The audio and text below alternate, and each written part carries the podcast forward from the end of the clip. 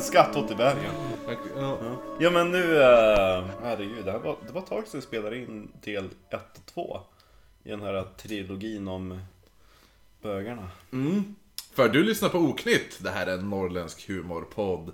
Där jag, Kristoffer the Wingman Jonsson, sitter tillsammans med eh, Marcus Knegaren Österström. Har vi haft Knegaren? Jag vet, det kanske Nu är Arbetarpojken Österström. Det har vi inte haft. Nej.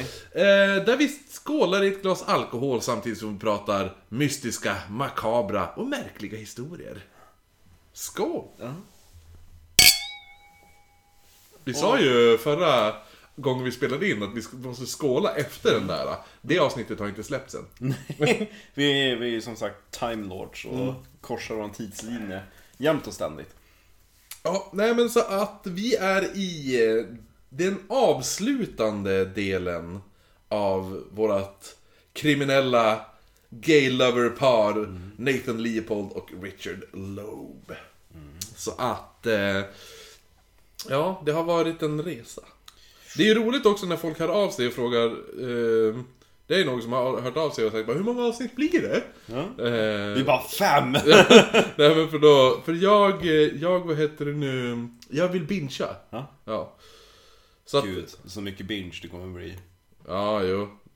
Alla som sparar, de har mycket binge att vänta sig. Mm. Men av. innan vi drar en, en liten uh, snabb repris Så har vi två saker att säga Det första är att Idag är det årsdagen på mordet utav Mary Ann Nichols Åh, oh, just det. Var det, var det, var det sista augusti? Ja, the first of the Canonial Five Nice. Så att, eh, ja vi sitter ju bara och väntar på att gränserna ska öppnas då, jävlar Gud vad vi ska åka. Jag är så jävla peppad just nu. Alltså jag sitter ju bara, speciellt också eftersom den här boken, för när vi är där nere så kommer vi släppa brittiska saker. Ja. Och en av dem, eh, ska vi säga den, vem det var det är? Ja, nej men en av dem är ju om, för då ska vi ta en mer modern Ripper. Och då kommer vi prata om The Yorkshire Ripper. Och nu när jag, jag sitter ju och läser den boken nu, jag är snart klar med den, Ja. jag tror jag har 100 sidor kvar eller något sånt Det där. roligaste var att du bara, har du varit i Bradford? Jag bara, jo det var den staden jag bodde och studerade i Ja.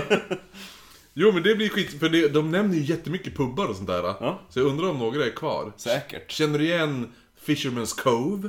Nej, Eh, The Royal Crown? nej, The Royal Standard? Nej The Bell... Nej vad var det? The Bell... Yay eller något sånt där. The Beehive In Nej den har jag inte stött på än. För det är också, det, det är faktiskt väldigt coolt. Så åker vi till Bradford om vi tar en daytrip. Ja. Det kan man. Eh, om man åker tidigt så tar det tar typ bara två timmar. Med tåg. Ja. Då, det den sista puben i England. Som bara har gasljus. Oh. Inredningen finns där. Fan vad nice. Ja. Det är ju och så, den ligger dessutom lite off the beaten track. Så varje gång man är där, det är bara några locals. Ja. Och det är fortfarande liksom de gamla toaletterna från 1900-talet och alltihopa. Det är riktigt ballt.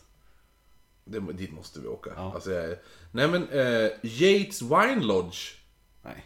Harp of Erin. Ja! Den är i Bradford, yes! Ja, alla de här är i Bradford. Ja, men den känner jag till. Ja, Harp of Erin. Ja. Ja, där, där brukade han hänga.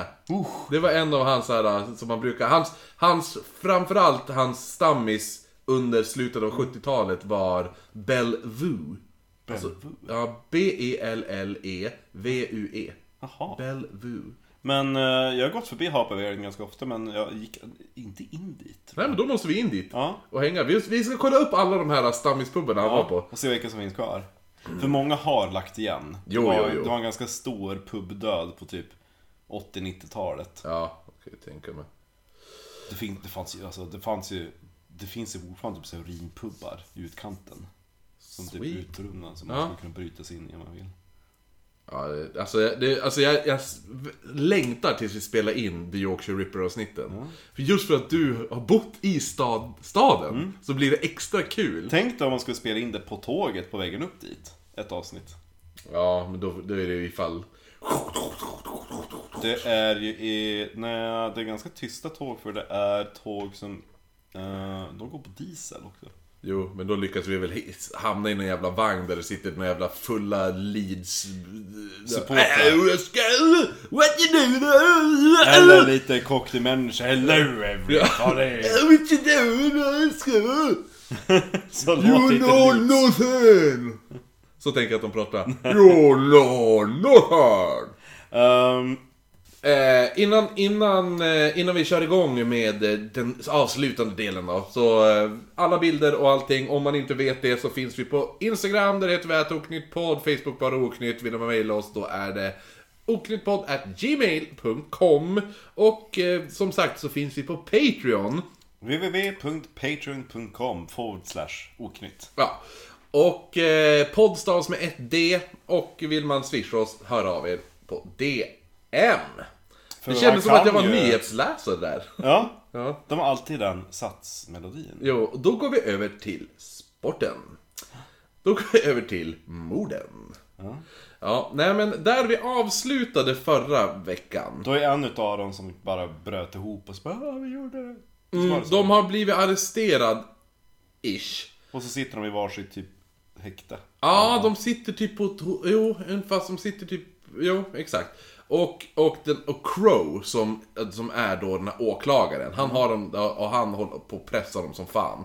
Och då är alla på väg hem.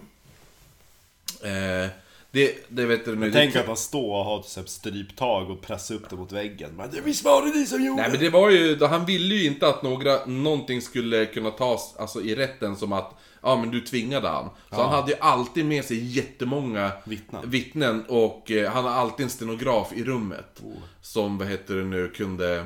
Stenografera ner. Ja, så att, så att alltid kunde, ja men så här gick det till. Det, så att det inte kunde vara att, ja men ni tvingade fram ett erkännande. Så det är natten mellan 30 och 31 maj så de är på väg hem. Om folk undrar vad en stenograf är, det är en människa som skriver stenografi och stenografi är typ vad läkare skriver.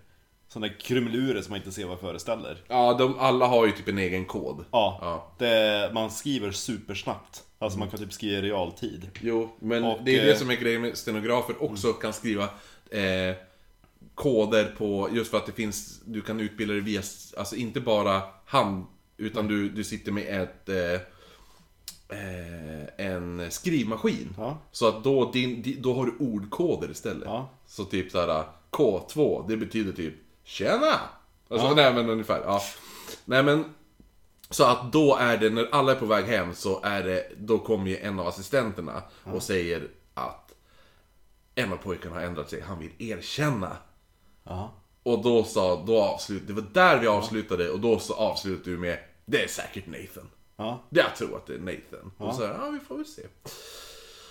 Jag tänker att eh, The Prosecutor, The Crow. ja, han sa Men Snake! Ja, exakt. Jag var ju på väg hem! Jag har en rättelse innan vi går i- vidare med det här. Då. Ja. Det är, kommer du ihåg att det var det här att de sa tre, hade sex tre gånger på två månader? Det var det först, men sen ändrade de sig senare. ja. Att då sa de sex efter varje kriminell handling. Gud vad han måste varit kåt då. Och så bara, jag står ju fem krona. Nu är det... Nej men alltså det är så här, om, nej men att, att ska, följer jag med på en av dina upptåg, då ska jag ha sex efteråt. Ja. Ja. Så att då, då är det, hur, hur, hur gärna vill du göra det här brottet? För du kommer ha sex med mig efteråt. Ja. Så, Crow då, som fått reda på att en av de här vill erkänna, skickar nu ut efter stenografen som hade farit hem ju. Ja. För att komma tillbaka för att skriva ner allt. Han... Och så han bara, men kan inte bara skriva själv? OB var inte uppfunnet. Nej, eller hur? Mm. När det här fick lufta sig en stund, då var det bättre. Ja, ja. Då var det inte lika jävla... GV. Nej men, då kommer han skicka efter. Stenografen ska komma tillbaka. Och han ville ju då, som, som jag sa tidigare här, att han ville flera personer oberoende från hans team var inne i rummet. Då han ville att ha vittnet, eh, nej han ville ha vittnen av gossens erkännande av sin egen fri vilja. Mm. Och den av dem som valde nu att erkänna var... Det var min trumvirvel, inte en motor som startade. Nej. Nej. Richard Loeb. Jaha. Ja, så att det var inte Nathan som cracked. Det var alltså Richard som är den här uh, mastermind-tänkaren. Var det för att han var så vain att han ville få ut nyheten i media? Nej, Tror du? ja, alltså kanske lite men samtidigt var det, alltså jag, tror- han, jag tror han var cracked. Alltså Jaha. under, ja. Han var inte så tuff som han Nej. såg ut. Exakt. Han hade inte så mycket stake i sig. inte utan Nathan. Det kommer bli stake hos han lite Stake, senare. stake. Under det här avsnittet kommer Egen stake? Mm. Ja, okej. Crow satte sig ivrigt framför Richard, som satt och torkade tårarna. Ja. Medan han började berätta, och han berättade allt. Mhm. Han ändrade dock en liten detalj. Och det var att han sa att det var han som hade kört. Och det var Nathan som hade slagit ihjäl Bobby. Jaha.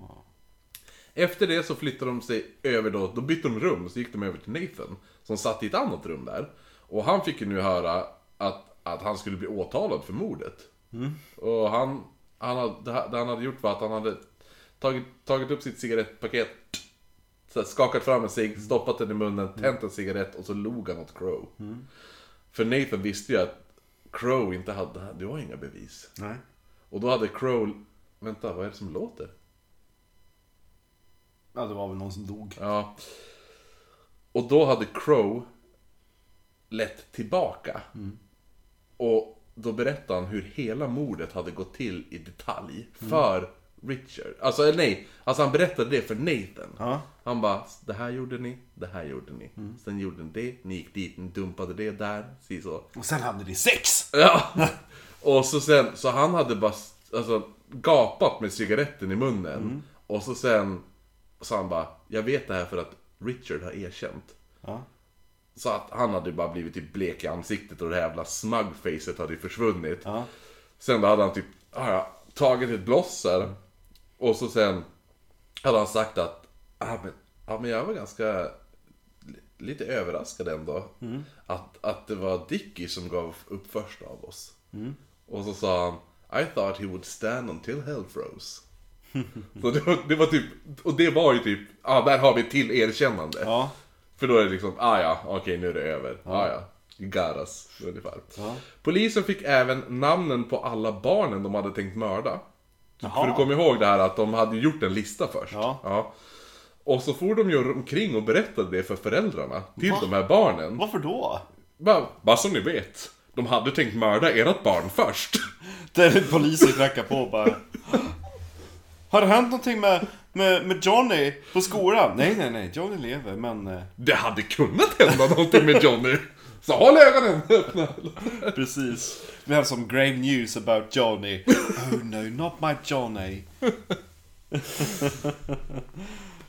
Nej men så att... Eh, Så att... eh, Så att, uh, nej men ja, det, var, det vart ju en väldig chock för familjen i alla fall när de kommer och bara Ja, ditt barn hade kunnat dött. Men Crow visste ändå att han var tvungen att handla väldigt fort nu.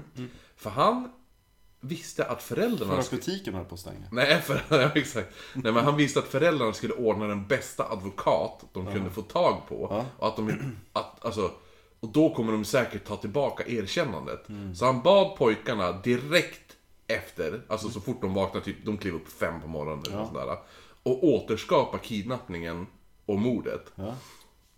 Och visa alla ställen där de har gjort av sig med, med bevisen då. För om man kommer ihåg från de tidigare avsnitten så hade de ju bränt alla Bobbys kläder i, om det var Richards, eh, eller nej, jo Richards tror jag var, i hans eh, värmepanna i källaren. Utom, alltså den blodiga filten.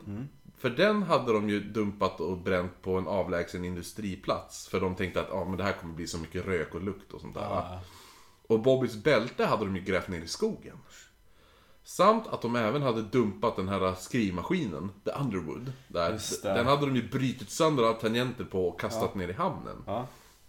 Så en hel dag så åker Nathan och Richard i varsina bilar. Eh, där de pekar ut alla ställen de vistas på och vad de har gjort på de här ställena och vart de gjort av med bevisen. När de kommer till hamnen så pekade Nathan på ungefär, ja men här stod jag när jag kastade ut skrivmaskinen. Och dykarna började då leta där.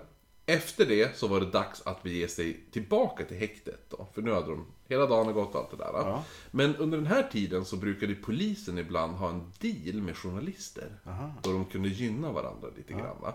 Och det här om, eh, för det pratade vi om lite i The Black Dahlia. Ja. Det här att eh, polisen och eh, eh, pol- eh, polisen och tidningarna samarbetade. Det här att de bara, ja men de får in ransom notes. Ja, ja men allt, allt tidningarna hittar, det ger vi till polisen om polisen ger oss ledtrådar. Ja. Så man erbjöd då två jour- journalister, det är Goldstein och Mulroy, som alltså var samma personer som följde med Richard till det här apoteket. Dit Frank skulle ha kommit. Ja. När han bara Ja men jag tror jag vet vilket apotek han kanske skulle fara till. Om vi bara far längs den här gatan, då hittar vi nog det pa- apoteket. Och då gick de in bara Ursäkta, var det någon som ringde och frågade efter någon? Den där, ja, det. Så det var de journalisterna Eh, och det var även de som eh, påpekade om Nathans inlämningsarbeten. För de sa ju att, ja ja men kolla hans inlämningsarbeten om de är skriven på samma skri- alltså, Jämför det med, med, vad heter det nu? Brevet. Eh, ja, brevet ja. Så Han de, kidnappad! ja, jo, så att de är ju lite så här. De, alltså de är lite journalistdetektiver ändå, de där två. Ja. Faktiskt. Lite, vad är det, vilka är det jag tänker på? Eh, jo, de här två Alla Presidentens Män. De som hade Deep Throat. Eh, de hade inte, alltså de utförde inte. Utan de, de, de som avslöjade Watergate-skandalen. Jaha. Det var ju två journalister. Som hade en kontakt som hette Deep Throat. På riktigt. Nej men det var, det var hans kodnamn. Alltså så dåligt. Okej, vad Ja, det- jo men det här var innan porrindustrin liksom. Det här är Nixon-tiden. Ja men det fanns deep throat också tänker jag. Jo men då kanske det inte var ett myntat uttryck i vardagen. Nej, jag brukar bara köra ner min penis så långt jag kan i halsen på min fru, men jag kallar det inte för något särskilt. Nej. Men hon är duktig på det. Jag kallar det How the French do it. Man e- erbjöd de här två då att åka i varsin bil för att få lite extra information. Så de båda gick igenom händelserna för journalisterna då. Ja. Så Bobby sitter i en bil. Nej, Bobby han är ju död. Eh, Nathan i en bil med en journalist och så Richard med den andra i den andra. Gisses. Ja. Men båda, och båda de skyllde ju på varandra. Nej, det var han som, och det var ju det de ville undvika. Det var ju därför de ville att båda skulle hålla i repet. För annars skulle de kunna skylla på varandra. Ja. Och eh, både Nathan och Richard pratade som att det var synd att han dog.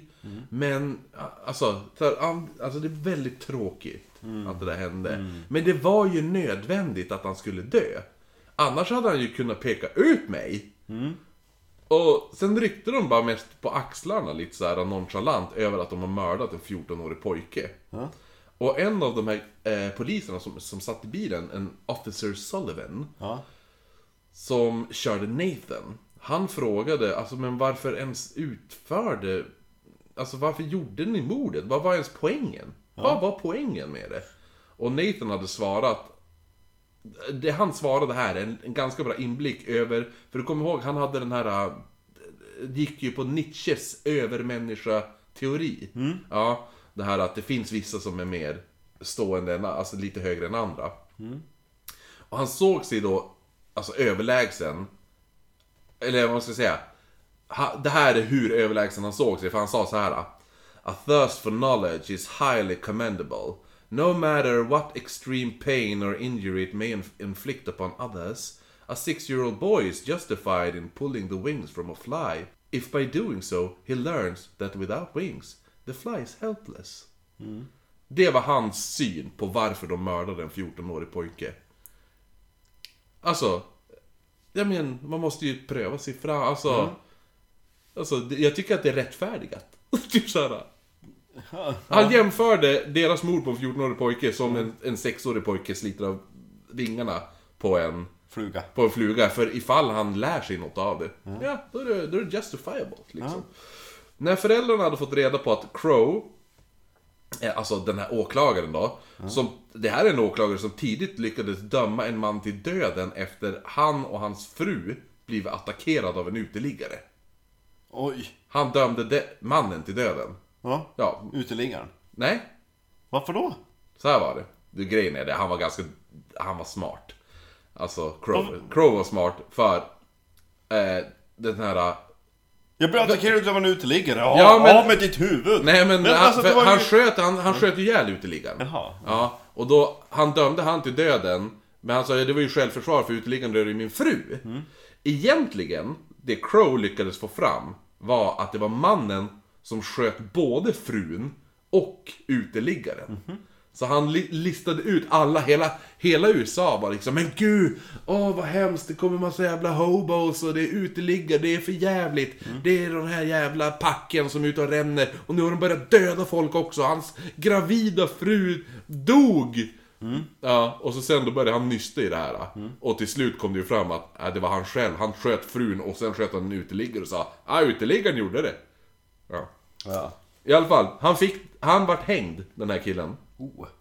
Men när de då skulle få reda på att, att han skulle åtalas, alltså när han, när de får reda på att han ska åtalas, deras söner då, för mordet, hade de då mitt i natten stormat över till advokaten Clarence Darrow. Aha. Uh, hans hus där och väcker honom där de har bett honom ta, alltså ta våra söners fall. Alltså, vi- Ta våra pengar! Ja, jo de sa det, vi betalar vad som helst. För de här är ju rika familjer. Ja. Och Darrow han menar, nej men nej, det, jag kan inte göra något Han vaknade, men vad fan gör ni? Gå, gå ut ur mitt hus! Ja, han bara, men de pojkarna har ju, pojkarna har ju för guds skull redan erkänt. Ja. ja. Jag kan inte göra några mirakel. Nej. Men det sa då att Crow yrkade på dödsdomen. Även om de erkände. För oftast brukar det vara att ifall du, ifall du inte erkänner, då kommer det gå till rättegång. Ja. Och då är dödsstraff det högsta. Men här var det, ifall du erkänner, då kommer du kanske, då vill, vi, då vill åklagaren också att du ska dömas till döden. Crow vill inte göra någon jävla plea deal, att de får 25, 25 to life. Ja. och så sen släpps de då efter 25 år. Utan han med, han bara, jag skiter, jag skiter i om de erkänner att de gjort det, de ska dö båda två. Det, och, så att, och då sa de det här till Darrow och han hade bara nickat och sagt att, ja, vi tar det här nästa dag va, för nu ska jag gå och sova. Ja. Ja, och Darrow, det här är också, det, det, jag, hur, jag, alltså jag satt och gapade i slutet av den här boken när jag kom på vem den här advokaten är. Ja. För Darrow var en gammal advokat som har varit med länge, länge i gamet då. Ja. Och han hade börjat när han var ung med att försvara strejkare mot giriga företag. Att han stod på strejkarnas sida. Och han hade även fått en man som var dömd till döden fri från dödsdomen. Genom att förklara honom galen. Och det är så här, grejen var att han hade utnyttjat, han hade gått till högsta domstolen. Ja. Så han kunde inte överklaga det här mordet något mer. Eh, eller den här domen. Men Darrow lyckas ändå få han fri, eller, eller inte fri, men alltså hamna på mentalsjukhus då istället. Ja. Genom att, ja men han, han har även mördat den här personen. Så då fick han, han i det, mo- den rättegången, vart han dömd, eller då vart han så här, ja men, not guilty för att han var insane. Ja. Och då, sen då gick han till domaren och han bara, eftersom var han insane i det här mordet, betyder det automatiskt Att att han han, var insane i det andra mordet. Ja. Och om han är insane i det andra ordet, äh, mordet, kan ni inte döma honom till döden, som ni har gjort. Så att han är ju, han är ingen, det är ingen, Dussinlirare. ja, född bakom nå, Ladugård. ja eller hur, utan det här är en riktig jävla, han är skön som fan. Han är född i Chicago. Ja, ju Chicago. Ja, nej men så att Darrow då, han var en stark förespråkare för vårdreformer och ansåg att fängelser inte skulle vara till för att straffas utan för att rehabilitera fångar. En, han ville ha en perfekt kombination av straff och rehabilitering. Det var det han var ute efter. För han, han sa att det kan inte enbart vara, det måste vara lite straff också. Ja. Men det ska även vara rehabilitering. Det var det han var ute efter. Och för att göra det lite kortfattat, advokaten Darrow och åklagaren Crow. eh, Om dem så kan man säga att det här var typ århundradets fight. Det här var typ Tyson vs Holyfield. Alltså, det, det är så här, en advokat versus åklagare. Det är den största sån fighten man kan tänka sig i den här tiden. Ja. För det är en gammal erfaren Darrow som genom års erfarenhet har varit en av landets bästa advokat. Och han skulle nu möta den unga, nytänkande och väldigt radikala åklagaren Crow. Som stigit extremt snabbt i sin karriärstege. Ja. Så att, in, kommer inte gå in jätte, jättedjupt i själva rättegången, även fast avsnittet heter rättegången. Men i alla fall, vi, vi kommer, vi tar rättegången ut. Men jag orkar inte massa pläderingar och sånt där. Nej, nej. Ifall man vill ha, jag, jag tror att på Leopold and Loeb på engelska Wikipedia-sidan så finns hela Clarence Darrows slutplädering cita, citerad där. Ja. kan man läsa den. Den är nice. Eh, så att, eh, men rättegången... Men de, eh, ja obviously föräldrarna mutade honom, eller gav honom pengar så att Ja, han- jo, de sa vi betalar vad fan som helst. För, Ja. för det är ju häktesförhandlingar nu också. Ja. Eh, Men både Crow och Darrow började då leta upp läkare, psykiatriker med mera som kunde argumentera för deras, alltså varsin Ja, de sida. galen. Ja, och medan eh, den- medans, åklagaren säger, har läkaren säger nej, de är inte galna. Så Crow, för, för, han förstår ju att Darrow kommer försöka få pojkarna fri från hängning och istället få dem på mentalsjukhus. Vilket Crow menade var att, ja men det, även om de får livstid så är det alldeles för lätt straff. Och sen också att de här två pojkarna är ju väldigt välutbildade. Varav en går ju för fan på juristskolan liksom. Ja. Och då vet man mycket väl vad som är rätt och fel ifall du pluggar juridik liksom. Ja. Eh, vilket är den motivering man, man använder när man inte kan hållas ansvarig för sina handlingar och då är mentalsjuk, är ju att du inte kan skilja på vad som är rätt och fel. Men ifall du studerar vad som är rätt och fel borde du kunna veta det. Tänker han. Han kanske har failat alla kurser. Ja, eller hur? Nej, men fast han han var ju- väldigt... Eh, Ja. ja. Vad heter han, eh, han, den där gubben? advokaten? Darrow? Ja, Darrow. Han bara, ja men han, utför, han, slut, han slutförde ju aldrig utbildning. Nej, exakt, för han hamnar här. Ja, eller hur? Så han inte färdigutbildad. Man har ju inte lärt sig då vad som är rätt och fel förrän du har ett eh, Exakt. Eh, diplom i det. Crow, Kråkan. åklagaren, upptäcker ett annat fall där man använder samma försvar, som på, pågår då samtidigt. Och han skickar då sin underåklagare Spa, Sparborough, eller vad han, vi kommer inte ihåg hur han uttalade det namnet. Spratt. Sbar, Sparborough. Sparbra. Ja, eh, och även då Smith. Ja. Och en till som heter Savage. Sparborough, Smith och Savage. De ska bevaka då en rättegång. Det är, eh, den åkla, åklagade var War, Warren Lincoln. Som en dag hade kommit hem lite tidigare från sitt jobb och klivit in på sin fru som låg och knullade sin egen bror. Oj. Alltså inte hans bror, utan hennes bror. Ja. Ja. Först, Som Game of Thrones. Jaha, så först hade han skjutit sin, sin svåger i huvudet. Ja. Och sen hade han skjutit sin fru. Ja. Han hade sen kapat deras huvuden som han göt ner i grunden på sin terrass. Som han nu höll på att bygga. Ja. Så det var ju ett, väl... Va? mm, Saftigt mord. Ja, eller hur? Och det är så här också att han var inte så här, han var ju inte dömd tidigare eller något sånt där. Spännande. Ja, men han... han Affär. Jo, eller, eller hur?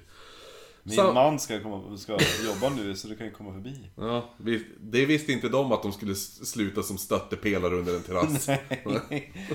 Ja du. Samtidigt så ville nu Chicago Daily News att man skulle sända rättegången på radio, alltså Leopold and Lopes rättegång, eftersom det var så extremt tryck på så många som ville bevittna, bevittna rättegången. Radio var faktiskt inte jättevanligt i mitten på 20-talet. Även, det trodde jag. Jag trodde alla hushåll hade en radio.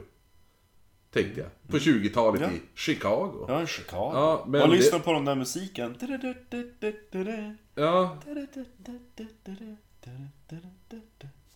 Ja men typ. jag tänker också på den här eh, Putting on the Ritz. Ja, Ja, men den tror jag kom typ...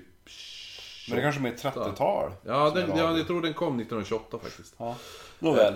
Nåväl, ja, så att det var ju mest de välbärgade som ägde en radio. Radiostationerna var också väldigt skeptiska. De, de menar ju att eh, den största publiken som de hade, de, de, den mest trogna publiken till radio, det är ju barn. Nej! Jo, det, det är bara barn. Barn älskar ju radio. De satt ju lite, det var ju radio... Lyssna på nyheterna. Ja men det var ju, alltså sen, alltså under typ så här 30, 40, 50 och 60-talet Då hade de ju typ så här. Eh, ja men Stålmannen Eller Ja. super, alltså Men på Superman avsnitt 20-talet. ja, ja men det var ju typ, var ju barn, för de hade ju barnprogram på radion och typ Herregud. så här. ja men typ, eh, lite så här cowboy och indianer. Ja, och bara för att, man, att barn råkar lyssna på radio kan man inte sända någonting annat. Ja, Jo, jo, men kanske inte en av årets mest omtalade rättegångar där de kommer beskriva hur en 14-åring blir hemskt brutalt Ja, men mördad. vad hemskt om, eh, om man säger innan programmet att nu är det ju en Jo, jo, fast nu är det här, nu är det här 100 år sedan också. Ja. Jo, det var ju en annan syn då. Ja, och Alltså- eh, rationellt tänkande var ju lite si och så. Ja, eller hur? Jo, det var väl inte ens rösträtt för svarta? Alltså, när kom det? 64 kvinnor. eller, något sånt där? Nej, ja, jo, kvinnor hade ju 21, det fick ju kvinnor i USA tror jag. Ja, jo, jag tänker på Sverige. Ja, Men, ja, men Sverige fick väl också 21? jag tror det var senare. Lite senare. Nåväl. Ja, ja. Och typ 27 eller någonting. Nej, kanske inte. Alla män fick Nej. rösta första gången 13 i alla fall, vet jag, i Sverige. Va? Innan 1913 var det ju bara ifall du tjänade över en viss... mycket pengar, ja. Ja, ja. Hur som helst. De, de radiostationer är väldigt skeptiska då, för barnen lyssnar ju. Och de ska inte behöva utsätt, utsättas för sådana här makabra hemskheter.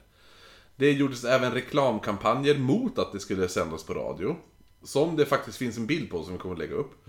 Crow sa dock att om domaren godkände det här så skulle han, han... För han tyckte inte heller att det här skulle sändas på radio, Nej, nej. åklagaren. Så han bara, jag kommer ta det till högsta domstolen. Ja. Och då de bara, ah, domaren, han bara, ah, ja, nej men. Vi lägger ner. Eller alla la typ ner, jag tror radion la ner kampanjen. Syns. Ja. Tänk att ha den inspelningen. Jo, det hade varit ganska coolt faktiskt. Darrows, och advokaten där då, hade inte fått speciellt lång tid för att förbereda sig. Nej. Men han hade fått en bra domare. Det var John Cavalry. Och han var känd för att aldrig ha dömt någon till döden. Oh. Och Darrow ville ju inte sumpa chansen med Cavalry genom att skjuta... Han kunde ju bara, men jag har fått för lite tid. Jag vill skjuta upp rättegången så jag kan samla på mig mer... Ja. Ja. och då kanske man får annan domare. Precis. Så att... Eh, han hade ju då typ ett S i kortärmen också. I Och- kortärmen ja. Ja, kort, skjortärmen. Sa jag kortärmen? Ja. ja. Och den 17 juli så samlade han sin assistent Walter Backrack. Backrack. Ja, Backrack. Eller Bachrach kan det också vara, för det stavas så. Psykiatrikern James Whitney Hall och Jacob Loeb. De samlade han och där berättade han, alltså Jacob Loeb var ju, jag tror att det var hans farbror. Ja. Och han berättade då den här lilla S i kortärmen. Ja. Och, eh, och han sa... Han tog fram ett, ett kort. Exakt. Och så vet ni vad det här är? Det är en ärm. Nej men där berättade han då att han var ingen jury skulle, alltså de kom, ingen kom, ingen jury på världen kommer att köpa att Richard och Nathan var psykiskt sjuka. Nej. Eftersom de uppenbarligen kunde skilja på rätt och fel. Och kunde förstå innebörden av vad, vad rätt och fel är. Så han berättade då sin plan. Och även om Jacob Loeb tidigare i livet inte ens, han hade inte ens tyckt om Darrows radikala tankar. Så tog han nu Darrows hand efter han berättade det här. Och sa att han, han var, jag är övertygad om att du kommer få dem att i, slippa avrättas. Alltså, mm. Så första juli började rättegången. Richard och Nathan var otroligt stiliga när de klev in på, till domstolen. Klart han var. Ja, Richard ombeds dock släcka sin cigarett medan som han har i munnen medan han går in i, i the courthouse då. Och alla höll på att tappa hakan nu när domare... Hur snygg de var. Va? Nej, nej, ja kanske också men eh, när domaren frågade How do they plea? Och Darrow svarade Guilty. Och ingen fattade någonting för alla, alltså de skulle ju ta det här uh, insanity defense. Ja. Alla hade ju tänkt det. Men nu stod ju Darrow och bara sa, ja de är skyldiga. De är, ja. Men saken var den att det här var att Kortet. genom att erkänna att de var, ja precis, kortet där. Var att genom att erkänna att de var skyldiga så skulle de slippa en domstol med en jury. För det här är, ifall de hade satt not guilty, då bara okej, I set the court date to bla bla bla. Ja. Och då får de ju välja en jury, och det är juryn som säger om de är... Uff. Ja. Då, då, där de då garanterat skulle förlora. Och nu då istället så kommer de endast ha domaren, han som inte gillar att döma till döden. Ja. Ja. Men då sa han alltså att det är bara han som kommer bestämma domen. Ja. Och då sa han också, han bara, men jag vill att när du domaren tar, alltså dömer, så ska du ta hänsyn till att de inte är mentalt friska. Så han sa att de är guilty, men ändå mental, inte mentalt frisk. Ja. Och Crow, han går i taket nu. Gud vad kul. Ja, och protesterar att man, man, det här kan man ju absolut inte göra. Men snyggt! Ja, han garanterat sa han så. Han slog sig händerna i bordet Ja. och reste sig upp. Snygg! Det är absurt! Ja. så... Nej men så antingen, han sa att antingen är de frisk och då ska de hängas. Eller så är de sjuk och då får de möta en jury. Det, alltså, Gud vad svart och vitt han såg på jo, världen. han sa ju det finns inget mittemellan. Det är klart det finns. Nej, Jo. det finns det inte. Ja. Inte i min värld! och domaren sa att, han bara, ja men, hörni. Barn. Ja, ja, lite där, han bara, vi spar den här diskussionen till dagen den här domen kommer Let att fa- us ska cross falla. that bridge when we come to Ja, eller hur? Och Crow, han, han började ju pumpa in vittnen som vittnade mot de här pojkarna. Du där! Inte fyra! Va? Jag, jag är journalist, ja! Nej, fel journalist. Du. Nej men vissa vittnen var, alltså vittnesmål var väldigt, väldigt korta och vissa var lite längre. Henrietta Spak! Kom hit! Sammanlagt tog han in 82 vittnen. Jävlar! Och det var bara åklagarsidan. Det var bara, det bara typ såhär minor vittnen. Han bara, nu, nu har det bara, jag bara börjat. Ja, men han tog, in, han tog in föräldrarna och lite och sådär. Men, och, då hade, och det var 82 vittnen. Och då var inte ens, då hade han inte tagit in, eh, alltså då är det borträknat, vad heter det, hans psykiatriker och doktorer och så läkare och sådär. Ja, Ja. jo men precis, det är bara det lätta. Så efter några dagar, då var det Darrows tur. Och Darrow hade äntligen tagit på sig sin finaste kostym. Jag tänkte precis säga att han rättade till slipsen lite grann och sen Ja, den var, den var fläckfri, något gammal, men den hade i alla fall inte som de tidigare kostymer han har haft ända fram tills nu under typ tre månaders tid. Som har varit smutsig och haft senapsfläckar på sig. så... Ja men han har ju gått i pension! Han höll ju på... Det är lika... Nej, men det är så- han bara, vad skönt. Nu ska jag ta det lugnt. Och så kommer de där föräldrarna och bara bankar ner hans dörr. Nej, medan han äter korv. Nej, Jaha! Jag kommer ta tid att skicka på kemtvätten. Nej men jo men han hade, alltså det var senapsfläckar på vissa av hans kostymer när, medan han var i rättegången. Ja. Jag hade det bästa alternativet, jaha, vad, ni tror att det är senapsfläckar? Ja, eller? Ja. Det första vittnet som Darrow hade, det var psykologen Dr. William White. Han som han hade pratat med där innan. Ja, ja. Vilket gjorde att Crow återigen flög upp i taket. Men kan inte han bara vara tyst? Ja men han bara, men de här är, vittnesmålen är ju obetydliga. Säger han ju. Alltså, de var inte galen. Och om du påstår att de är, var galen, så är det ju upp till en jury att bestämma.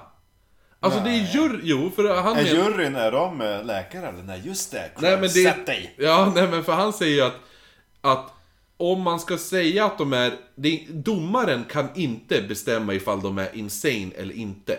Det är bara en jury som kan göra det. En, det är en jury på 12 personer. Tycker han ja. Ja, ska, det, jo, men det är, så, det är så systemet såg ut. Ja. Och, han, och Darrow går ju emot systemet. Och han säger, men du kan inte säga... Han har, ju, han har ju hittat ett loophole. Ja, eller han... Darrow försöker skapa ett loophole i alla fall. Så att... För, Han hade ju lätt varit en eh, fantastisk Doctor Who. Jo, faktiskt. Han, det, han, ser, han ser jävligt gammal och skön ut. Han ser Ja. ut som en morfar. Ja. Ja. Nej men så att, nej men för han... Reverse the polarity of the neutron flow. Ja, ja men Det är en han... sån här catchphrase från Doctor Who, som de alltid säger. Jo, jo, jo. Nej men för att, för, men för reglerna var ju att ifall, ifall man ska dömas ifall man är galen, då ska du stå inför en jury. Det är en jury som bestämmer. Ja, anyway. Ja, Ja, ja, men, men, och det är det han försöker nu. Och han bara, men de är ju inte, du kan inte göra det här. Ja, var tyst ni pratar, Ja, doktorn. och ett, alltså det blir världens Jag tänker att Darrow sitter ju under hela rättegången med en varm korv. Jo, jo, men han är lite så! För det blir värsta spydiga bråket mellan Crow och Darrow nu. Ja. Där de bara typ slänger ut så här. Går på personattack och typ Ja. så här, ja. Och Ja. Darrow sa att, att han kan... Jag äger bara två kostymer! Ja men han, för han bara... Jo men fan säger man, men du kan inte ta upp en läkare. Du kan inte ta upp en läkare som, säger, som ska säga att de är galen. Om inte det här va? Och där då bara, jag kanske inte kommer påstå att de är galna. Det vet ju inte du Crow, eller hur? Och för Dr. White, han har inte sagt ett ord, han har bara satt sig i vittnesbåset och de här börjar bråka på direkten. Och då säger ju Crow bara, men ja men vad fan har du tagit hit en doktor för då? Va- Alltså, då behöver, alltså, Ja, vi håller på att diskutera det som en sexualitet, en sjukdom. nej men för han säger han bara, ja men varför behövs ett vittnesmål från Dr. White? Ja. Om du inte ska påstå att de är galna? Och så hade Daryl svarat bara, om du bara sätter dig ner och är tyst, så får du väl lyssna och se. Ja, bäst! Alltså han är så jävla Ja, badass! verkligen! Ja. Och så Crow, den unga feisty som bara inte ska Ja exakt! Ja, är så jävla... Jag kan se, man ser den här ådran i pannan, hur det bara dunkar liksom. Ja. Crow Och så menar... sitter där och där var den sin varmkorv. Ja, Det får och så han går omkring i rättssalen. So you say that... That the letters of the father?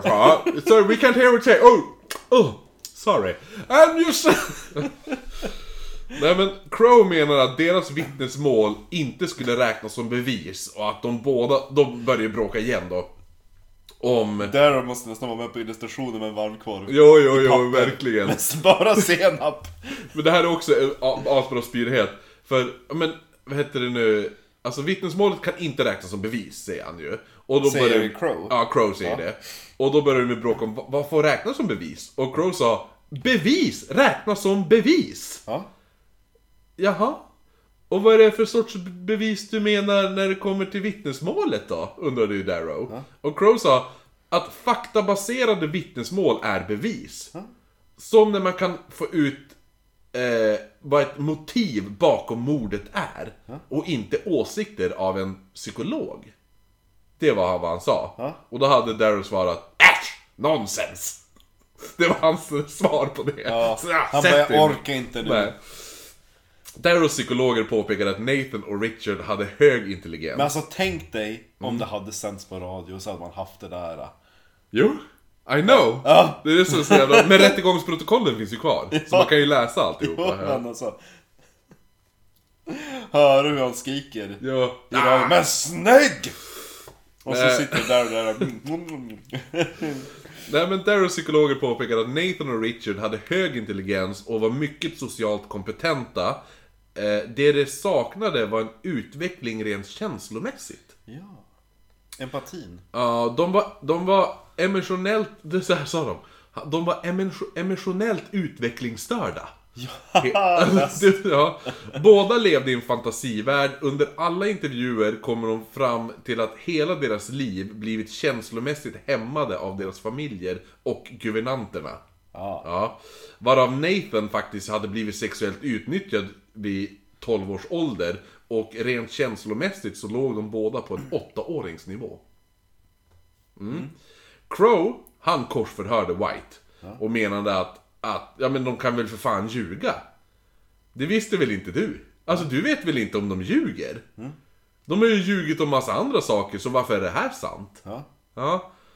Och han kom även in på deras påstådda homosexualitet. Ja. Vilket var ett uttryck i deras hämmade... De säger det. Ja men den, deras homosexualitet är ett uttryck i deras hämmade käns- känslomässiga utveckling. Ja. De kunde inte hantera känslor på ett normalt sätt, vil- vilket uttryckte sig då i ett abnormal, en abnormal sexualdrift. Ja, ja. I princip alla ville se att Nathan och Richard skulle hänga. Alltså, det, alltså hela världen vill ju det nu. Så att det var mycket påtryckningar utifrån. Ja. Och den här domaren, Cavalry, blev även hotad av Ku Klux Klan. Oj. Att han skulle dö, alltså, döm dem till döden, annars, skulle, annars kommer vi döda dig. Alltså du dör om inte de dör. Ja. Eh, de brände även kors utanför familjen Loeb. Jag skulle ha ett kors utanför rättegångssalen. Ja, nej, utanför familjen Loeb. För, ja, för både, jag tror också det är lite extra gör ju att eh, Nathan Leopold och Richard Loeb var ju faktiskt eh, judar. Och bögar. Och bögar ja, ja eller hur? Och eh, ateister visar det sig också, man kommer ta det också. Judiska ateister. Ja, som gillar att knulla varandra. Ja.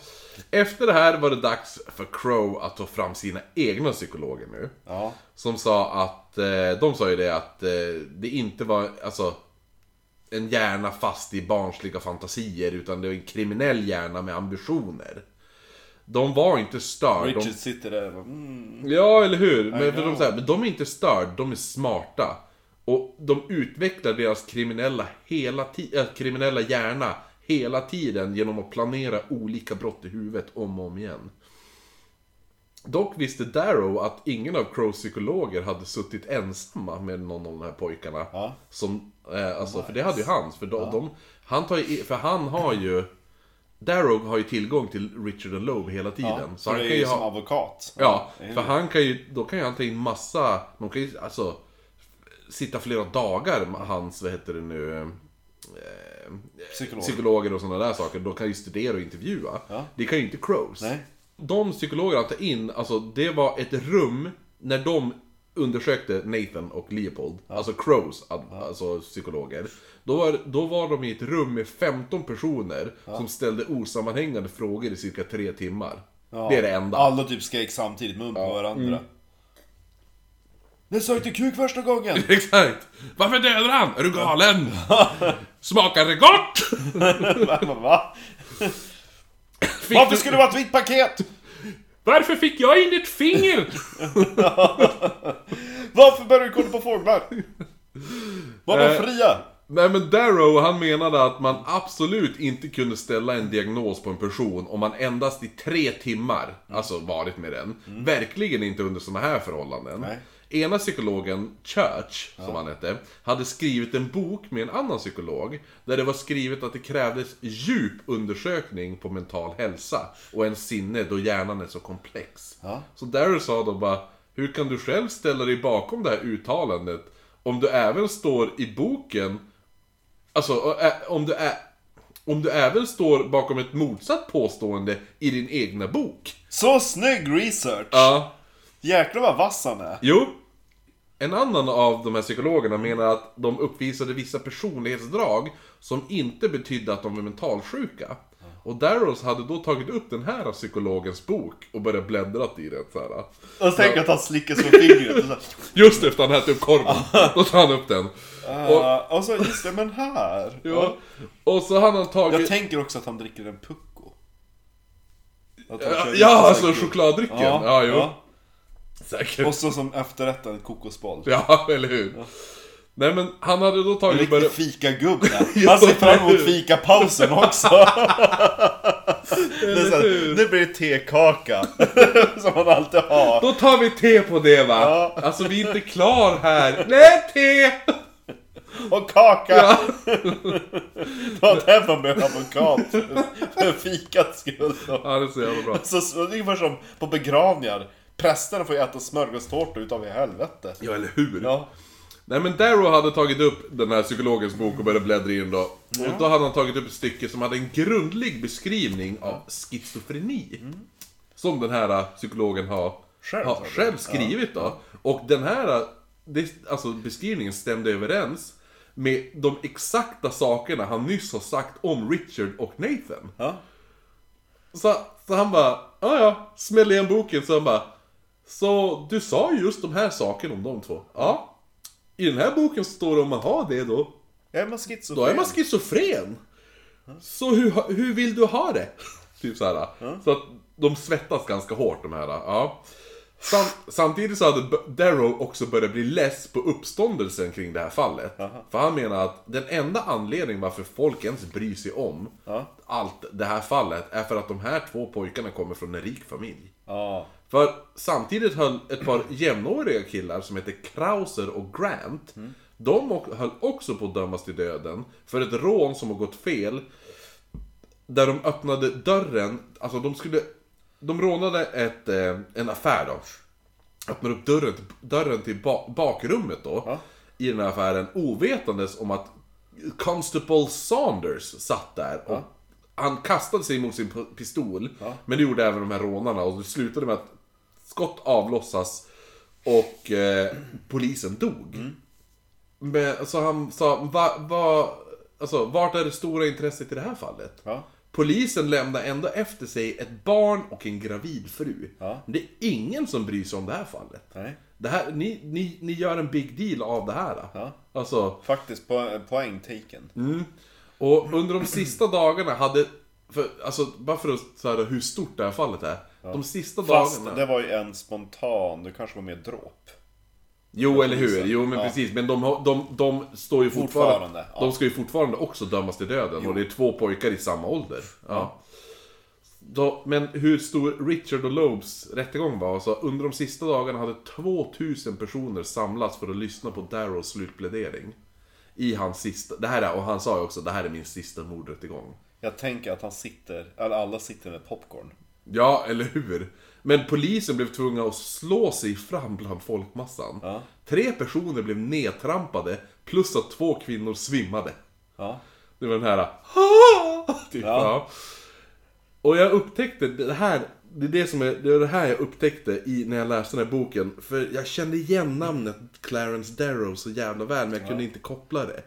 Men då mot slutet... Clarence, det är också ett bra namn. Ja, Claire. Det finns en, te- en tecknad tv-serie som heter Clarence som är ganska rolig faktiskt.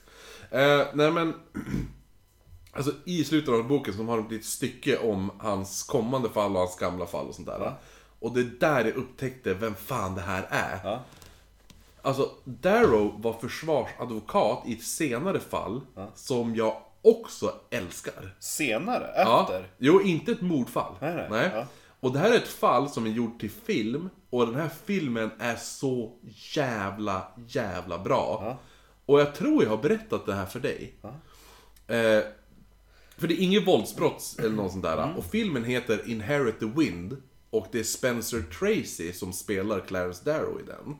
Och fallet är när en sån här... Eh, vad är science teacher på, på svenska? Vetenskaps... eh, Ja men man hade väl inte...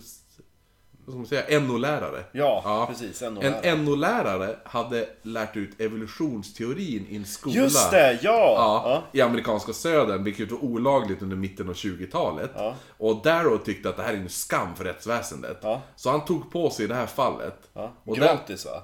Ja, eller hur? Och det, alltså, jag har den filmen på datorn om du vill ha den. Ja, jag, jag har så mycket shit creep. Okej, ja, ja. Spel. Nej men... Alltså, för den filmen är så jävla, jävla bra. Och det är, det, det är han som är advokaten i det. Vilken legend! Ja, eller hur? Jag säger det, jag älskar han. Men i alla fall. Då har han verkligen gjort sig förtjänst på nästa logga.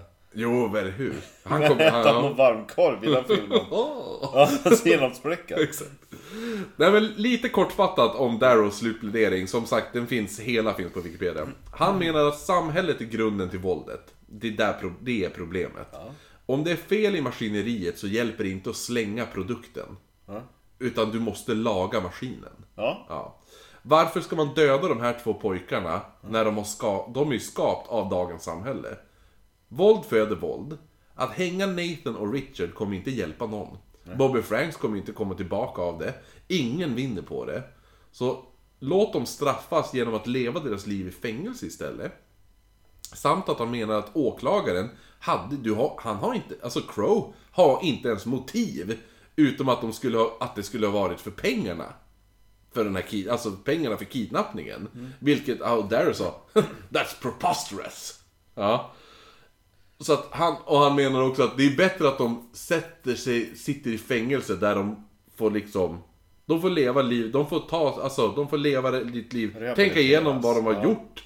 Och så, så här, och kanske känna så här, ånger Remorse, och, ja, ja. exakt. Istället, om de, man dödar dem, vad händer då? Det är ingenting, det kommer två nya pojkar imorgon. Ja. Vi måste ändra samhället. Vi, måste, vi ska inte bara döda pojkar som dödar pojkar. Ja. Och efter det här då var det Crows tur, som direkt försvarade sig. Ja. Och menar att det faktiskt, det finns faktiskt mer, alltså, mer än det där motivet med pengarna. Första, våldtäkt! Varför hade pojken varit naken ner till i tre timmar innan de tog av honom på överkroppen? Hur räknar man ut det? Äh, det, det är från deras egna erkännanden. Jaha. Nathan hade ju även uttryckt våldtäktsfantasier innan mordet ju. Mm. Försvaret ja, protesterade ju då och sa att, alltså, De inte, de, är inte, ni har inte nämnt våldtäkt en enda gång under, under den här uh, rättegången. Så ni kan inte komma nu i slutpläderingen och säga att det var våldtäktsmotiv. Ja. Om ni inte ens har nämnt det. Eh, så ni kan inte avsluta med det i en plädering som påstår att det finns, och säga att det finns bevis för våldtäkt när ni inte ens har presenterat bevisen. Ja. Och Crow sa då att jag försöker inte bevisa våldtäkt, jag försöker bara bevisa hur jävla pervers de är. Ja. Ja. Jo, för att vad det nu skulle hjälpa. Richard hade ju även haft en, en... Han sa också det. Richard, han har ju även haft en könssjukdom vid bara 15 års ålder. Ja. Så pervers var han. Ja. Ja. Han menade även att Nathan och Richard inte stod så nära som alla påstod. Crow De menade står ju att... två meter från varandra. Crow menade att Nathan pressade Richard på sexuella tjänster. Annars skulle han tjalla om alla brott. Och det var därför Richard ville att båda skulle hålla i repet. Så Nathan också skulle bära skuld och då skulle han bli- fri från de här sexuella tjänsterna. Så den... Det är en ganska, det, när man hör den säkert i rättegången, det är ändå en ganska bra teori. För Richard sa ju då, för det var ju det som var att, ja ja, du får, alltså, jag gör det här med dig om du ligger med mig. Ja. Och sen när de legat med varandra, Ja. då bara, jag kommer, jag kommer ju, och, och, nu kommer jag ju berätta för alla om vi inte gör det här. Och jag kommer berätta att du har gjort det här. Och jag kommer berätta att du har sugit av mig. Och sådana där saker. Och det var därför, och så, så att jag tycker ändå att det är ganska bra poäng ändå på något sätt. Ja. Han menade även att Darrows argument att inte, alltså, inte hänga dem var otroligt dåliga. Om de är inte ansvariga för mordet, utan samhället är ansvarigt. Finns det då någon människa som är ansvarig för något? Alltså, om det var alltid... nog rätt bra comeback. Ja, om man ändå ska... Jo, men som sagt. Crow är ingen jävla... Mm, Alltså visst, han är ganska ny men han är inte... Han är jävligt slipad han också. Ja. Men uh, Darrow är stråtvass. Jo, jo, men det är därför han är... Han har... Alltså han är snappy. Ja. Ja. Eh, och Och han, jag tänker att han behåller lugnet. Medan Crow bara ställer sig upp Mm. och skriker och jag blir så jävla förbannad. saliven bara Jo, flyger. Och så sitter Han är som, om om man, om man, om man har sett, eh, om man, vi kanske gör en meme av det. Om man har sett bilderna på hur Ted Bundy ser ut under sin rättegång när han får domen. Nej, jag tänker att det är så här att ännu bättre Bilbo-memen när han blir galen. Jaha, den. Vanliga Bilbo, det är ju Darrow. Jo, jo, Crazy Bilbo, det är det är Crow. Men om man, om man, men, jo, men, eh, om man vet eh, Ted Bundy när han, får, när han får sin dom i rättegången, i sin rättegång. Den bilden är, det är exakt så Darrow ser ut. jag. Kan visa den sen. Ja, jo. Eh, nej men, och han sa också att är det något, alltså, ja men, för han sa ju då också att han tycker det här låter mer som en dålig ursäkt än ett bra argument. Ja. Vilket jag också kan köpa lite, det han säger också. Och han säger att ansvaret ligger ju alltid i slutändan hos utövaren. Och då är det också den, den utövaren som ska hållas ansvarig. Och domaren bara, ja ja. Det är så här, han är lite less känner jag. Ja. Domaren, han, Han han, sitter liksom i korseld. Jo! Och han, för, för det, i vanliga fall är det ju den här slutpläderingen hålls ju framför en jury. Och det är 12 jurymedlemmar som sitter, aha, aha, aha. Och, och, Nu har han själv. Va? Nu är ja, nu är det, nu är det domaren som måste sitta och lyssna på det här. En jävligt bra, alltså jag älskar ju courtroom drama-filmer. Jag älskar ju doms, alltså när det är filmer som utspelas i domstolar. Ah. Och en av mina favoriter är ju, ja men dels den här Inherited Wind, men sen även Jury, A Time To Kill. Ja. Ja, den är svinbra också. Och så 12 Honest Men. Det är en till sån väldigt bra, typ hela säsong två utav... eh, Men det har du ju sett med eh, David Tennant och eh, Ah, The Olivia Border... Nej, vad heter den? Broadchurch. Broadchurch, ja. ja. Mm. Jo, hela säsong två är ju Courtroom. Jo men den är också bra. Men jag gillar 12 Honest Men, A Time To Kill och så den här Inherited Wind i mina tre, topp tre tror jag. Men i alla fall, fram tills dess så, alltså tills den här rättegången han satte, då sa jag det, 10 september. Så det är, det är om, eh, det är om 10 dagar. Ja. Ja. Så fram tills dess så blir domaren mordhotad vid flertal tillfällen. Ja. Och en dag hade han åkt iväg till en begravning. Ja. Och då får hans fru ett telefonsamtal. Och mannen i luren presenterar sig som Inspector Richardson. Och han sa att jag är ledsen att med informera er att din man, domaren, har mördats. Va? Och sen la han på. Ja. Det här visade bara sig vara ett elakt Ja, skämt. ja. För hon for, ju till, hon for ju till den här jävla begravningen, då stod ju han där och rökte cigarr. Åh hej frun! Typ så här. Men när det väl var dags att utfärda domen så hade man satt 200 poliser som vaktade rättssalen. Cavalry, alltså domaren, sa att han sa sina avslutande ord som verkade då svaja hela tiden. Mellan, kommer de dömas till döden eller kommer de inte? Alltså han här, On the one side I think they should be hanged because bla bla bla. Alla bara oh, but then again. Så, så han satt och svajade hela tiden. Han suger på Ja, karameller. eller hur? Han är, han är också rätt skön där. Ja, jag tror att, att de allihopa var, var ju lite så här crowd pleasers. Jo, eller hur? Men slutliga domen blev fängelse i resten av deras naturliga liv för mordet. Plus 99 år för kidnappningen. Jaha, så att de, deras ben då ska vara lite extra? Jo men det är ju så här, det är ju som, Fängelse. man, jo men de, de, jo men ifall det skulle hända någonting. Ja. Säg att, säg att någonting skulle hända, att det bevisar sig att de har inte mördat. Ja. Och då bara, de är fri från mordet. Ja. Då har de ju fortfarande kidnappningsdomen. Ja. Ja. Så att de måste ju döma varje brott för sig. Ah, ja, ja. Ja, så att då plussar de ju på brotten. Men ifall i något- Sverige blir straffrabatt för att de var unga, under 18. Jo, jo, nu, jo, nu ja. Jag vet inte hur 1920 Nej, var, det hade blivit billigt. Idag. Efter det här då, nu har de ju blivit... I princip, alltså de har ju klarat sig då.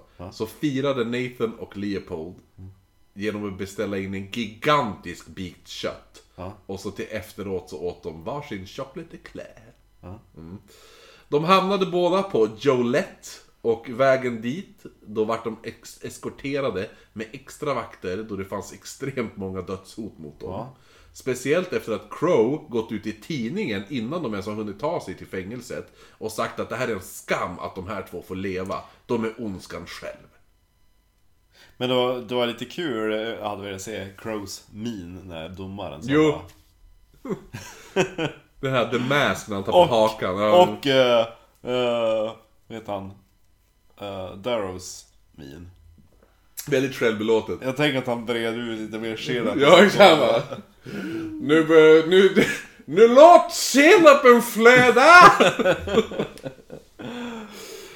De kom då till Jolette och snaggades. Och tvättades och fick deras fängelseoveraller, eller vad man säger. Ja. Sen placerades de i varsin vinge i fängelset. Men eh, Inget mer sex mellan ni Nej. Tiden blev inte långvarig för Nathan för han flyttades till det nybyggda Statesville Prison i maj eh, 1925. Det var ensamt då för Nathan de här eh, åren där och det här är... Alltså jag har inte boken med mig nu men det finns bilder på det. Jag kommer lägga upp alla bilder på det här. Mycket bilder från det här. Och då är det att Tänk dig, det är ett vakttorn i mitten. Sen har de byggt fängelset runt vakttornen, flera våningar, så här, som en cirkel, som ett ihåligt torn typ ungefär. Ja. Men 1931, sex år senare, så kommer faktiskt Richard dit, till det här fängelset också då. Nathan, han var, han var inte en exemplarisk fånge direkt, men han, alltså, han hamnade ofta i isoleringscell till en början då. Men han var ju välutbildad och han fick faktiskt användning för det via olika jobb för fängelseadministrationen. Lite som typ Andy Dufresne i Shawshank Redemption. Nyckel till frihet. Jag har inte sett den. Och hur kan du inte ha sett filmen som är rankad etta på IMDBs bästa filmer som någonsin gjorts? Ja. Det är, den är ju extremt bra och den boken är extremt bra. Det är ju Stephen King som skriver den. Drama. Ja, ja. Underbart, underbar film. Underbar film. Är det verkligen så? Ja, det är bra. Det, alltså, det är så här. har du sett Citizen Kane? Vilken är med där i? Det är Orson Welles. Gammal film. Den, den anses ju, det är så här, den är stämplad till, det här är den bästa film som någonsin gjorts. Okej. Ja, Ja. och jag, så här, innan jag såg den så var jag lite skeptisk. Jag bara, mm, bästa film som någonsin gjorts. Sen såg jag den, jag bara, oj. Det är bland de var bästa ju- filmer som någonsin gjorts. Och det är lite så med Nyckel till frihet också. Jaha. Man är lite skeptisk, sen man ser den bara, ja, den var jävligt, jävligt bra. Otroligt. Han han, alltså, men i alla fall, Andy Dufresne, han eh, är ju... Kort, kort om han är ju, i den boken, filmen, är ju att han... Eh, han mördar ju lite, det, han mördar, vad heter det nu, killen och frun tror jag. För efter, lite som han som mördade sin fru som hade sex med sin bror. Ja. Ja, eller, fast det här är, eh, det var med en annan man då. Och så döms han ju till fängelset och så kommer han ju dit och han jobbar ju som bankman. Så han börjar ju sköta the tax deductions åt alla anställda på fängelset. Ja, så att han, ja, det går ju bra, ja sådär. Men, Ja. ja. Men det är lite butt rape i den också. Sånt där. Eh, han, i alla fall, hamnade till slut även på, alltså Nathan då. Som håller på och hjälpa till med arbete för han kan ju sortera och är duktig på att skriva. Så han är väldigt, han är lite bättre än vissa som jobbar där som är anställda. Är han bättre på att skriva och... Ja, ja. Ja. Så han hamnade till slut även på chefsvaktens goda sida och ansågs som pålitlig. Och 1933 så kunde han vandra fritt omkring i fängelset. Nice. Alltså inte ut Nej, nej. Ja, nej, men. Och Richard däremot, han var lite tvärtom. Han ville, han ville inte jobba. Nej. Men han kunde ändå vandra fritt i fängelset. Jaha. Ja. För hans bröder kom varje månad med 500 dollar. Plus fem- 50 extra dollar från, från hans föräldrar. Oj. Och de här pengarna använde han för att muta vakter till olika förmåner som bättre arbetsuppgifter samt att han fick ett par nycklar som tillät honom vandra fritt innanför murarna också. Så han körde den stilen. Ja. ja. Jag fattar inte att... För, ja, Och- intressanta föräldrar. Ja, mina, min son har ju mördat en 14-åring, men... Jo, jo, men de älskar ju ändå hans ba- barnet liksom. Ja, ja, ja. De visste nog inte att han använde de här pengarna för att muta vakter. Nej, vad ska han göra med pengarna och sitta och lägga dem på hög i fängelset? Ja, men man kan ju köpa... Sig. Ja, och... Sexuella tjänster. Ja, det är kanske inte riktigt så de vill att... Nej. Men du kan ju köpa, det finns ju en kiosk alltså du kan handla. Nej men i alla fall.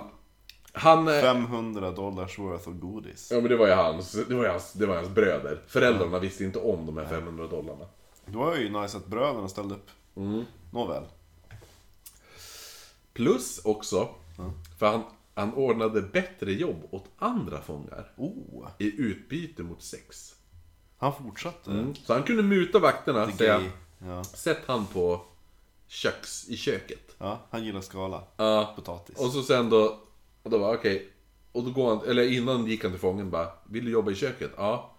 ja sug av mig, så fixar jag det. Ja. Typ så gjorde han. Och en av de fångarna som han gjorde det med var James Day. James Dean. Nej, James Day. Ja. Och han kom till fängelset i mitten av 30-talet. Ja. Han var en ung, snygg 22-åring som Richard väldigt, väldigt gärna ville ligga med. Ja.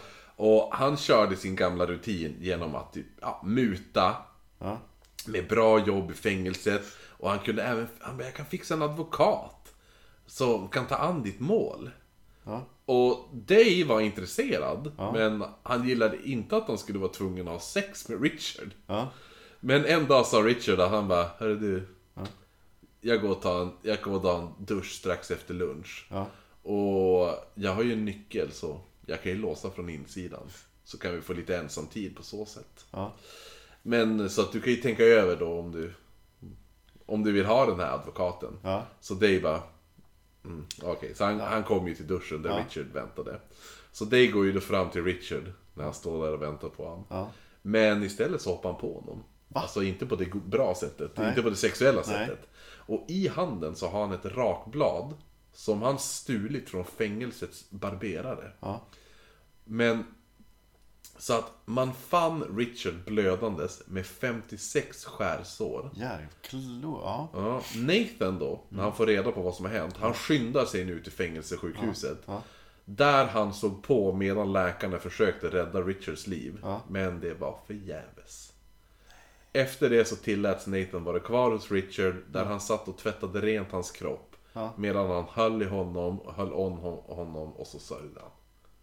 Det var ju fint. Ja, jag tyckte det var nice. Det är Ja. en väldigt fin scen det där. Faktiskt. Tragisk men, ja. Och de älskar nog varandra ändå. Jo, så det känns ju som att det här, alltså... Ja, alltså det är ändå, det är säkert, alltså även om de kanske inte var lovers lovers så på sätt, men det, det är säkert, det var hans bästa vän. Ja. Ja. Nej, jag tyckte det var, det var Ja. en fin scen. Eh, För, alltså, varför kunde inte han bara sagt nej? Han är den snygga 22-åringen. därför han var less. Han kunde ju bara sagt det, alltså... Nej, vet du vad? Jag har... Det, det kanske finns de som skulle nappa på det där, men inte jag. Jo, men han kanske hatade homosexuella också. Han kunde ha sagt nej, ett nej. ja, han kanske hatade homosexuella. Homosexuella på den tiden var kanske inte nej. speciellt omtyckta. nej. Men han var ju intresserad, så han bara... Mm, ja. Jag tror att han bara gick dit för att nu jag ska döda den här jäveln. Ja. Åren gick i alla fall. Och Nathan, han var otroligt ensam nu. Men han beslöt sig då för att göra någonting av sitt liv istället för att sitta och ruttna i fängelset. Så han började nu studera. Och så startade han en fängelseskola. Eh, som däremot blev tvungen att läggas ner. Då vissa fångar hotade lärarna till bra betyg. Så ge, ge mig bra betyg så jag kan släppas tidigare, annars kommer jag döda dig! ja. Det var fint att han, att han kanske gjorde, vad heter han, domaren? Nej, vad heter advokaten? Eh, Ja, Darrow. Barrow, lite stolt på den fronten. Ja, ja, eller hur? Ja. Han blev sen sjuksköterska på fängelsesjukhuset. Ja. Och en dag, 1959, kom det en forskare till fängelset som höll på att forska fram botemedel till malaria. Nu tror jag ska säga till homosexualitet. Nej. Och Nathan ställde upp som försökskanin och han fick malaria som gjorde honom otroligt sjuk och han fick även skador sen på njurarna och levern av det här. Fan, dumt. Han fick sen reda på att guvernören skulle sänka straffet för de fångar som ställt upp i undersökningen. Oh! Och Nathan började drömma om att det kanske finns en chans att jag kommer släppas. Hans första intervju om eh, tidig frigivning gick inte så bra. Men inför det andra förhöret, några år senare, så hade han anställt en advokat som hjälpte till otroligt mycket. Hette han Då- också Barrow? Nej, det var det. Nej, jag kommer inte ihåg vad han hette. Nej. Men... Eh, så att han var... Han sköt sig hela tiden och allt sånt där. Och... För han var ju, han var en exemplarisk fånge nu liksom. Så då släpptes Nathan på villkorlig dom 1958. Oj, hur gammal var han då? Oh, vad kan han ha varit? 24 var han kring 20. Så... Närmare 50? Ja, ungefär 55 skulle jag gissa. Och då flyttade de till Puerto Rico. Ja. Flyttade han, för det var typ, det fanns någon så här att USA hade någon grej att för du får inte lämna sta- delstaten, du får inte lämna landet. Nej. Men det var något att de hade någonting i Puerto Rico. Så att han kunde, han kunde släppas och släpptes då till Puerto Rico där han bodde. Spännande. Ja. Och där... Mycket kryphål i Amerika känner jag. Jo. Där träffar han änkan Trudy Feldman. Som han gifte sig med 1963. Ja. Och när hans... Alltså för det var 1963 upphörde hans fri, eh, villkorliga dom. Ja. Så då, 1963 var han helt fri. Oh. Och då reser de två, han och den här Trudy Men de där Feldman. 99 åren och bara strök det. Ja, jo men det var ju för att han har skött sig Ja, och allt sånt ja. där. Så de reser efter det. De tar igen allt, för hon var ju en änka som hade levt med sin man och han hade dött och hon hade inte gjort någonting med sitt liv liksom. Nej, nej. Och han har suttit i fängelse hela sitt liv och han hade jävligt mycket pengar. Ja. För alla hans, alltså, han var den sista, det var ingen som levde längre. Inte ens bror eller någonting. Alltså hans, är alltså, hans, alltså hela hans alla i hans familj var död, så han hade Oj, ett oj. arv. Ja. Alltså, alla var döda. Alltså Richard Lobes familj var död. Ja. Clarence Darrow var död. Crow tror jag var död också och sånt där. Ja. Så att han var, en- ja, de reste då så att de bara, men jag ska passa på att leva livet nu. Ja. Så de reser typ och såg hela världen. Ja. Reser jorden runt och allt sånt där. Ja. Och tog igen, han tog då igen alla år han hade förlorat i fängelset. Och sen den 29 augusti 1971 så avled Nathan. Och där avslutades den sista delen i den här. Visst var det nästan en väldigt... Jag tror att det känns som att han kanske lärde sig medicinen. Ah, Richard han, Ja. eh, han var nog... Lost case. Jo, jag tror det också. Han mådde nog inte så bra. Nej. Ingen av dem mådde särskilt, särskilt bra skulle Men jag det tro. vet man ju inte eftersom han dog relativt tidigt. Fast i och för sig var det sex år efter. 33 tror jag han dog. Ja. Så att han kanske var... Jo men han var väl kanske där kring 40 bast. När han blev nerhuggen i duschen? Mm. Jaha. Kan kolla. Ja, Snabbt. just det. Då kanske inte var så snygg längre. Nej, eller hur. Han föddes 1904. Eh, nej, det var Nathan Leopold. Ja, men jag... Så Nathan Leopold, ja. Ja, 1904 föddes han. Och året efter, 1905, så föddes Albert. Nej, Albert Love. Ja, Richard Love. Ja.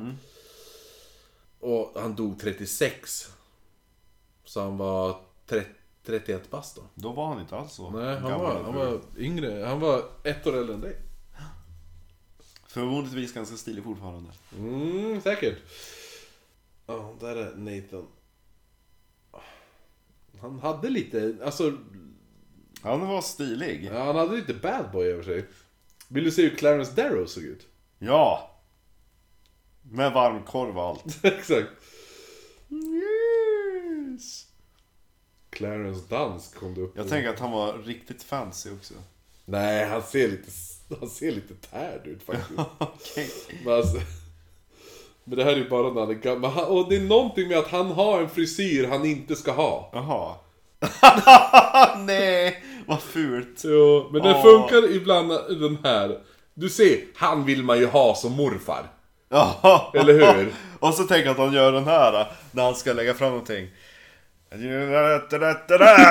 Och så pekar han med fingret lite så här neråt. Jo, eller hur? Ja. Och här är, här är han in action, rättegång. I, alltså, man ser... Du ser, vad heter det nu? Korven. Nej, men du ser Richard, Richard i bakgrunden. Oh. Actually, jag gillar att han var Ja, fingret upp. Alltså, jo. Väcken kar. Ja, han var riktigt... ehm, Legendarisk. Ja, jag kan... Men han var inte så välklädd, det kan man ju säga. Ja. Men På, på den tiden när alla var välklädda. Men jag gillar hur han verkligen borrade hål på alltihopa som Crow la fram. Ja. Och så hans, hans läkare som bara föll en och en. Men här säger du emot dig själv. Hur ska du ha det egentligen? Du skriver en bok om det här. Här har du... Här har du Crow, han ser ju... Du ser ju, han ser ut... Man ser, även fast bilden är svartvit, så ser man hur rödhårig han är. Ja, men han var också ganska snygg. Lite squareface. Ja, nej men så det var, det var den, och det är då som sagt den här, det här fallet som är inspirationen till eh, pjäsen och även Alfred Hitchcocks film The Rope. Så där har vi det. Det var det. Det var de, det var... Alltså gud vad, det har varit ett roligt fall ändå. Lite Ja. annorlunda fall. Jo, verkligen. Vi har inte tagit, jag tror det är första gången vi tar upp Alltså så här djupgående på ett enda mord. Ja, det är bara ett mord ja. Ja, Verkligen. för vad heter det nu, för typ, vad, vi har tagit upp några gånger när det var ett mord, typ hon, eh, vad heter hon då, hon med blicken? Ja. Kate Webster. Kate Webster, just Hon- ja. hon är- Gunilla Persson. Hon är en favoritmörderska. Ja. Ändå. För det är ju ett mord, men det är ju som... Det var ju ganska kort. Det här är ju väldigt... Det är så, det är så himla mycket information. Men det är så jävla härligt. Det är någonting med den här rättegången med Clarence Darrow som är bara... Fint avslut. Ja, jävligt tragiskt. Alltså, det, det- man fällde ändå en tår när, när han satt och fick... När han, stod, han såg sin bästa vän dö, sen höll han om honom och tvättade hans kropp. Ja. Liksom. Och Jag tyckte det var fint. Jo, det, det, var, det var väldigt eh, filmiska scener. i det här. Mm, mm. Hoppas de gör en riktig film-film om det. Ja, Alltså en äkta film. eller hur? Ja. Två Hollywood-hunkar som spelar. Undrar vem som ska spela Clarence Darrow? Ja! Någon bra? Surreal Ja, han är för gammal nu. Jo, nej men kanske... Nej, jag har ingen bra där. Jag kan inte komma på någon bra. Någon som är halvgammal. Liam Neeson hade kunnat spelat. Ja, faktiskt. Ja. En liten plufsig Liam Neeson. ja. Eller han som spelar Winston Churchill i den där filmen. Vad heter, fan heter han? Ja, just det. Ja. Som är Harry Potter, som spelar Sirius Black. Tror du... Tror du... Han spelar i Jo. Batman också. Jo, va? Han spelar i Batman. Ja, jo, jag trodde du sa att han spelade. Ja, men han heter Gary Oldman. Gary Oldman, ja. Jo, han skulle också vara funka. Nej men jag sa att jag tänkte, tror du Stephen Fry hade funkat? Ja, Eller hur? jo, Ja. det hade han. För hans utläggningar och rösten och Ja. grejer. Han är ändå en grym skådespelare, Stephen Fry. Jo, jag tror fan Stephen Fry hade funkat. Han har, han har ju den där lilla buken också. Så. Jo, eller hur? Och han kan nog passa med en varmkorv i handen.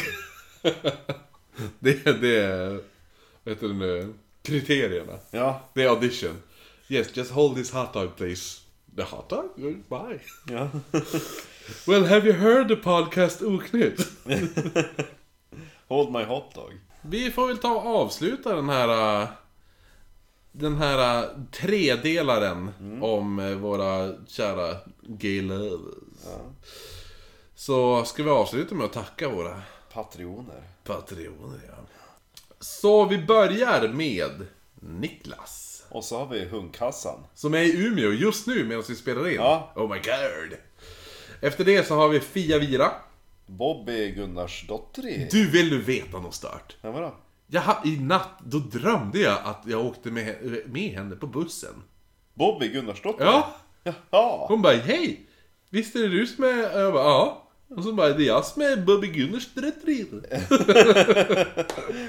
ja, så det var ju lite roligt. Ja. Eh, och sen har vi Diana Stödberg. Som stöder oss. Som har bingeat nu, för det var hon var en av de som frågade hur många avsnitt blir det. Och sen så har vi Kevin Magnusson. Och eh, Stefan Beijer. Jesper Lindqvist. Ann-Charlotte Karlsson. Marcus den lille hunken. Ray Jonasson. Jonas Norman. Christer Jonsson. Eh, följt av Jonas spöktimmen-trollet Ekmark. Jag tror att det är han som har gett sig in i den där hunkstriden Jaha, också. Det är, det någon, börjar bli någon, det, är någon jä, det är någon till jävel som har gett sig in. Ja, eh, Naomi Wiksten. Ina Fus från eh, Vännäs. Robin Bjärendal som är småttet bättre än, Nej, han är ju schackmattat. ja, än systern Ja. Johanna. Bjärendal. Andreas Pettersson.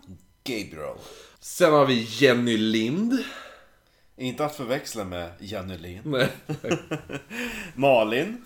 Wahlström som eh, gäst, som, som har varit med i podden Ja. och sen blev Patreon. Ja. Helvete vad hon måste tyckte vi var bra. Ja.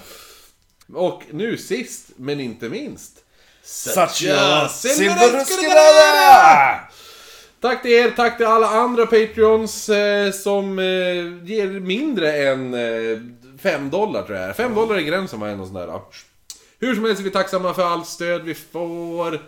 Det är jättekul. Och eh, vi avslutar väl med en skål. Och så nästa vecka får vi se, då blir det nog ett... Eh, det blir ett Patreon-önskat ämne.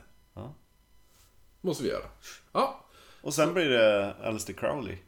efter det. Ja. Ja, det blir bra. Ja. Då säger vi hej då Marcus. Hej då Marcus. Och hej då Hassan som är här i Umeå. Hassan här i Umeå. Det är en bra Instagram. Punk-Hassan här i Umeå. Yeah!